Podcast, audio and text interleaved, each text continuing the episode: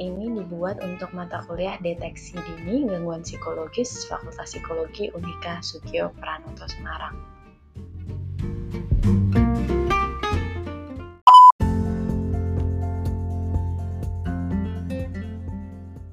Halo, selamat datang lagi di mata kuliah deteksi dini dan sekarang kita pakai podcast lagi nih hari ini dan hari ini kita ada um, beberapa aktivitas yang perlu dilakukan, tapi temanya hari ini adalah kita ngomongin permasalahan psikologis pada anak.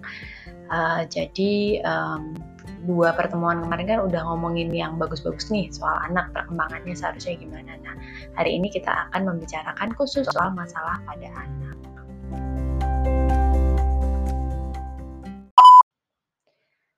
Nah, tadi saya agak lupa bilang nih, um, ini kayak biasanya ya aturannya ya.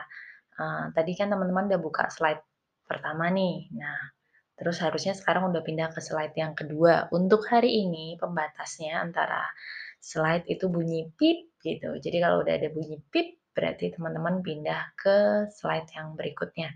Nah, sekarang kita udah ada di slide yang kedua dan kita akan ngomongin agenda hari ini. Jadi, apa yang akan kita lakukan hari ini? Nah, selama setengah jam, semoga ini saya selesai ngomong dalam setengah jam, kita akan over, uh, overview dulu gitu. Saya akan kasih tahu gangguan-gangguan pada anak dan saya akan berikan 10 gangguan pada anak yang ada. Dan seingat saya teman-teman ada 10 kelompok ya. Kalau saya salah nanti dikasih tahu aja. Ada 10 kelompok jadi masing-masing uh, akan mendapatkan satu uh, nanti kalian acak sendiri akan mendapatkan satu gangguan lalu kalian diskusikan, lalu kalian akan uh, saya kasih waktu upload lah 15 menit. Uh, kemudian jadi diskusinya satu jam, lalu 15 menit buat ketik-ketik dan upload. Uh, itu kalian silahkan tuliskan tentang uh, kasusnya, jadi tentang uh, gejala-gejalanya sama salah satu contoh kasusnya dari salah satu gangguan itu. Nah, terus nanti habis itu jam 15.15, jadi satu seperempat jam setelah kalian uh, selesai mendengarkan ini, selesai diskusi dan selesai upload, jam 15.15 .15 kita akan ketemu lagi nih via BBB atau Gimit.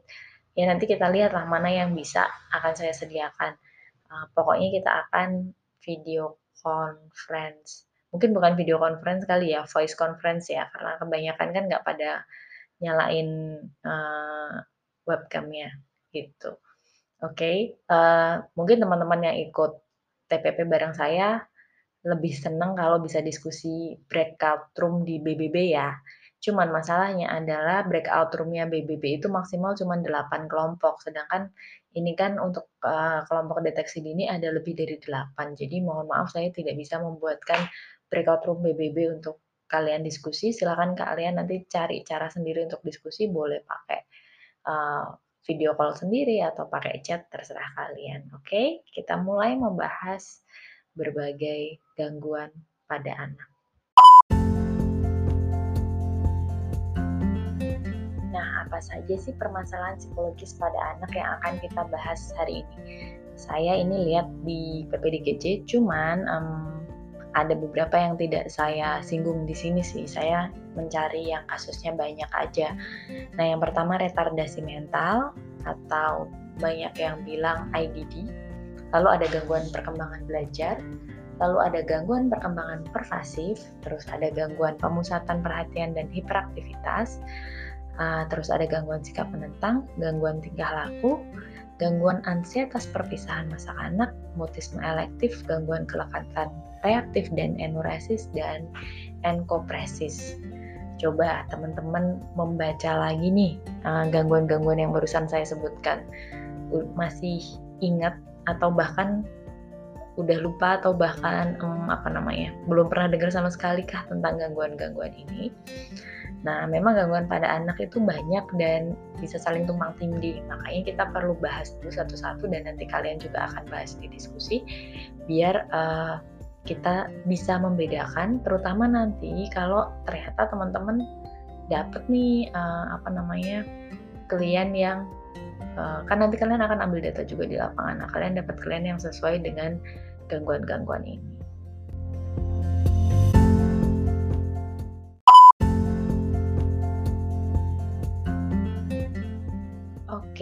Permasalahan yang pertama dan kedua adalah retardasi mental dan gangguan perkembangan belajar. Apa itu retardasi mental? Nah, eh, kadang-kadang sih untuk gampangnya itu ngomongnya eh, anak-anak yang IQ-nya rendah. Uh, mulai dari slow learner, slow learner itu sekitar 80-an, terus sampai yang bawahnya yang retardasi mental sekitar 70-an, 60-an. Nah, kalau udah di bawah 50 itu yang biasanya disebut uh, Down syndrome atau mereka yang uh, bisa ditandai dengan uh, wajahnya mongoloid dan uh, memang ada banyak keterlambatan perkembangan. Uh, tapi kalau yang masih 70-an tuh masih uh, apa ya? Sebenarnya masih cukup bisa mengerjakan hal-hal sederhana. Nah, kemampuan dia itu di bawah rata-rata anak seusianya. Jadi kalau dia usianya 10 tahun katakanlah, mungkin kemampuan dia itu kemampuan anak umur 8 tahun atau bahkan lima tahun. Dan saya tuh sempat mikir dulu waktu masih S1, wah kalau kayak gitu enak dong kalau misalnya kemampuannya dia 10 tahun, eh maksudnya kalau dia umurnya 10 tahun, kemampuannya dia lima tahun, besok kalau dia 30 tahun, kemampuannya kayak kemampuan orang 25 tahun gitu. Tapi ternyata tidak, dia uh, immortal, eh sorry kok immortal sih, uh, selamanya uh, immature, sorry kok immortal, immature untuk sampai uh, seterusnya gitu. Jadi ada ketidakmatangan yang ternyata membuat dia stuck. Saya pernah bertemu yang berusia 40 tahun itu juga masih seperti anak kecil. Nah, kalau kalian mau cari di PPDGC, eh sorry, uh, eh, DSM, istilahnya bukan retardasi mental tapi IDD atau Intellectual Disability Disorder. Uh, kalau di DSM itu patokannya udah bukan cuman IQ lagi, tapi uh, bagaimana dia bisa uh, berinteraksi, berfungsi sesuai orang seusianya. Itu retardasi mental. Yang kedua adalah gangguan perkembangan belajar. Ini contohnya itu disleksia, diskalkulia, disgrafia. Udah tahu dong disleksia itu apa. Jadi mereka yang dibilang tidak bisa membaca atau tidak bisa uh, mengenal huruf. Nah, kalau diskalkulia itu tidak bisa uh, berhitung dan kalau disgrafia itu tentang simbol-simbol dan gambar-gambar itu dia uh, kurang bisa memahami. Nah, uh, ada permasalahan spesifik yang menghambat proses belajar. Jadi anak disleksia, terutama yang disleksia ya, dia itu nggak bisa uh, membaca, tapi dia tidak punya angka IQ yang rendah, gitu. Jadi IQ-nya itu masih biasa aja atau bahkan tinggi. Hanya kadang kebalik kayak IQ performance-nya. Teman-teman udah belajar Wessler belum ya? IQ performance-nya dia itu jauh di atas IQ verbal gitu. Jadi dia lebih bisa memahami sesuatu dengan praktek, tapi dia uh, secara uh, memahami verbal atau kata-kata atau huruf-huruf dan membaca itu dia susah gitu. Caranya, cara berpikirnya yang beda. Nah itu disleksia. Jadi dia bukan bodoh, dia tidak bisa membaca tapi dia bisa memahami dengan cara-cara yang lain.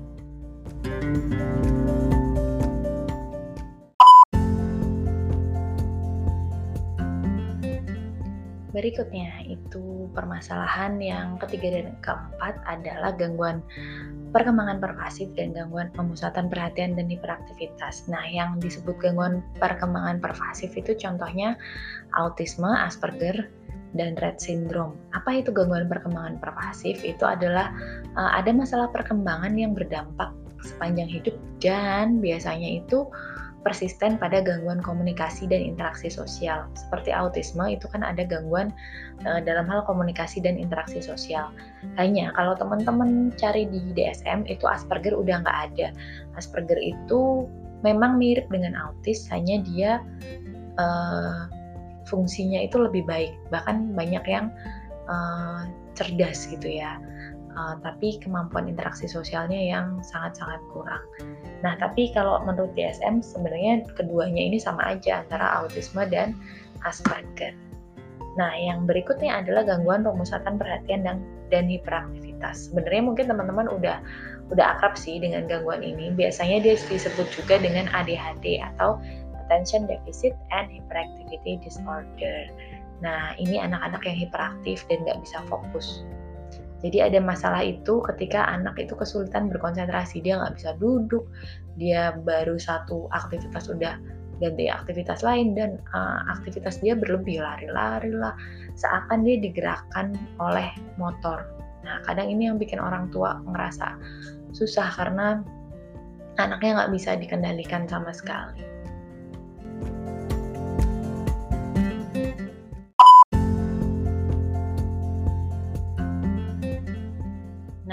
Permasalahan-permasalahan berikutnya adalah yang namanya gangguan sikap menentang dan gangguan tingkah laku.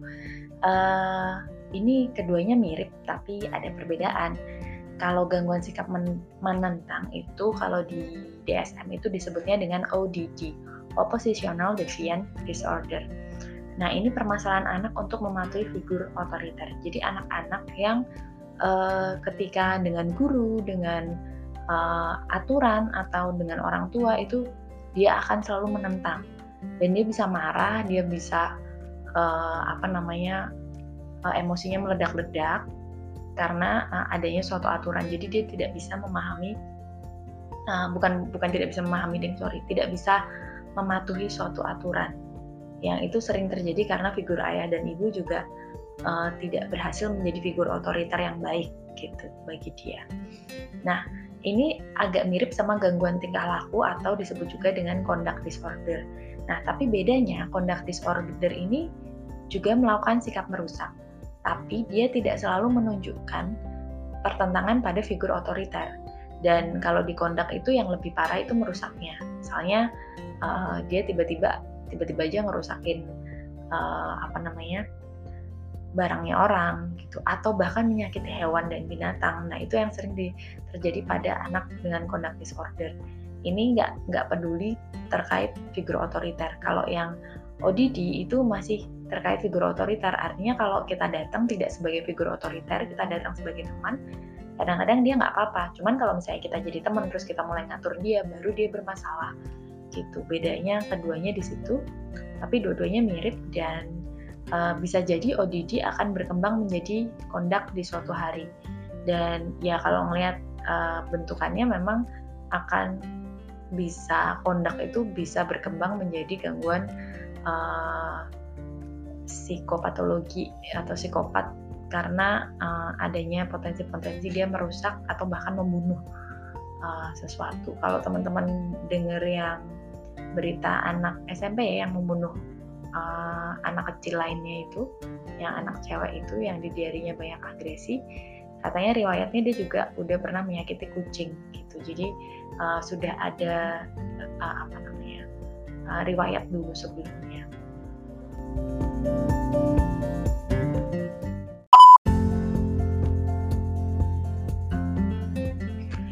Oke, permasalahan berikutnya adalah uh, yang disebut dengan gangguan ansietas perpisahan masa kanak dan mutisme elektif. Nah, uh, gangguan ansietas perpisahan masa kanak ini uh, panjang banget ya namanya. Tapi sering juga disebut dengan istilah separation anxiety disorder. Nah, separation anxiety itu adalah kondisi di mana seorang anak itu sangat takut berpisah dengan figur lekatnya, misalnya dengan ibunya. Nah, ini sering sekali dideteksi pertama kali ketika dia masuk sekolah, entah TK atau SD.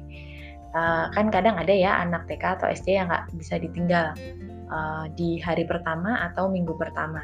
Tapi anak dengan separation anxiety ini dia bisa sampai kayak berbulan-bulan nggak mau ditinggal sama ibunya atau sama pengasuhnya ketika di sekolah. Jadi uh, dia menjadi punya hambatan sosial untuk berinteraksi dengan orang karena dia ngerasa dunia itu nggak nyaman gitu buat dia. Nah ini beda sama mutisme elektif atau selektif mutism SM gitu. Uh, selektif mutism itu adalah kondisi di mana anak memilih tidak berbicara sama sekali dengan setidaknya dua lingkungan. Jadi misalnya dia sama sekali nggak berbicara di um, sekolah sama di tempat les, misalnya kayak gitu. Nah, uh, ini anak ini memilih untuk diam, nge-mute dirinya.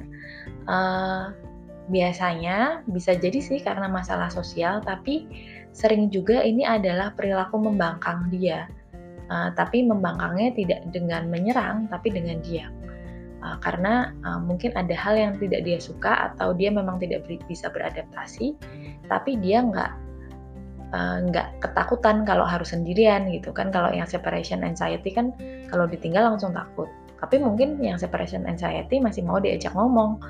Tapi kalau yang selective mutism itu benar-benar mau ada orang mau enggak kalau dia ada di lingkungan itu dia nggak akan mau ngomong gitu. Kadang spesifik uh, kayak saya punya klien itu di kelas dan di perpus dia tidak mau ngomong sama sekali di tempat terapi di tempat les dia nggak mau ngomong. Tapi kalau jajan dia mau ngomong. Jadi uh, dan ngomongnya itu nggak ada masalah nggak kayak anak grogi gitu loh. Jadi ketika ngomong ngomong aja langsung gitu. Uh, waktu itu dia jajan dan kembaliannya belum ada terus dia ngomong bu susu era ono gitu. Nah itu tuh uh, apa namanya uh, dia nggak ada ketakutan kalau yang ansietas perpisahan masa anak atau separation anxiety itu mungkin akan takut kalau harus ngomong sama orang lain.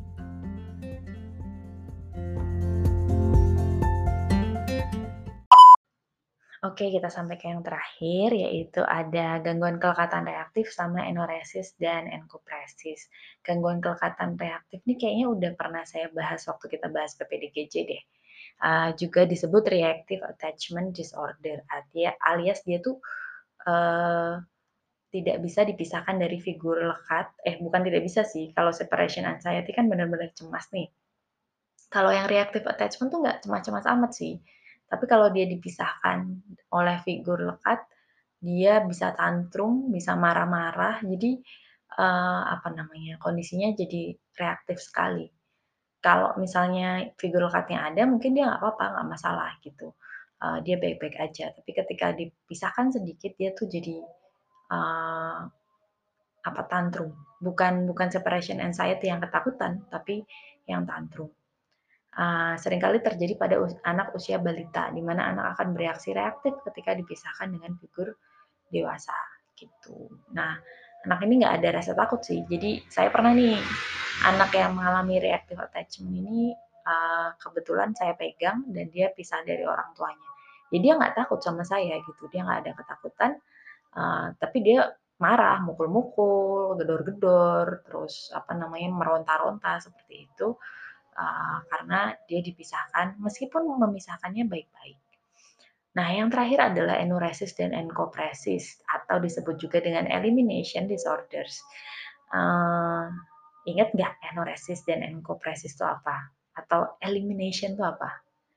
Elimin eliminasi itu kan meng, apa, memutus, menyelesaikan, menghabiskan ya. Jadi ini adalah uh, hal terakhir dari rantai makanan kita. Jadi uh, apa dari sisa, sistem pencernaan kita gitu. Uh, ketika kita mengalami permasalahan BAB dan BAK, tapi bukan karena masalah medis. Jadi anak-anak yang mungkin masih ngompol terus atau uh, BAB-nya tidak bisa diatur, uh, ya yang tipe-tipe seperti itu yang mungkin seharusnya ketika sudah uh, makin bertambah usianya harusnya sudah berkurang, tapi uh, dia ternyata masih ngompol atau bahkan BAB di celana ketika usianya seharusnya sudah tidak seperti itu lagi.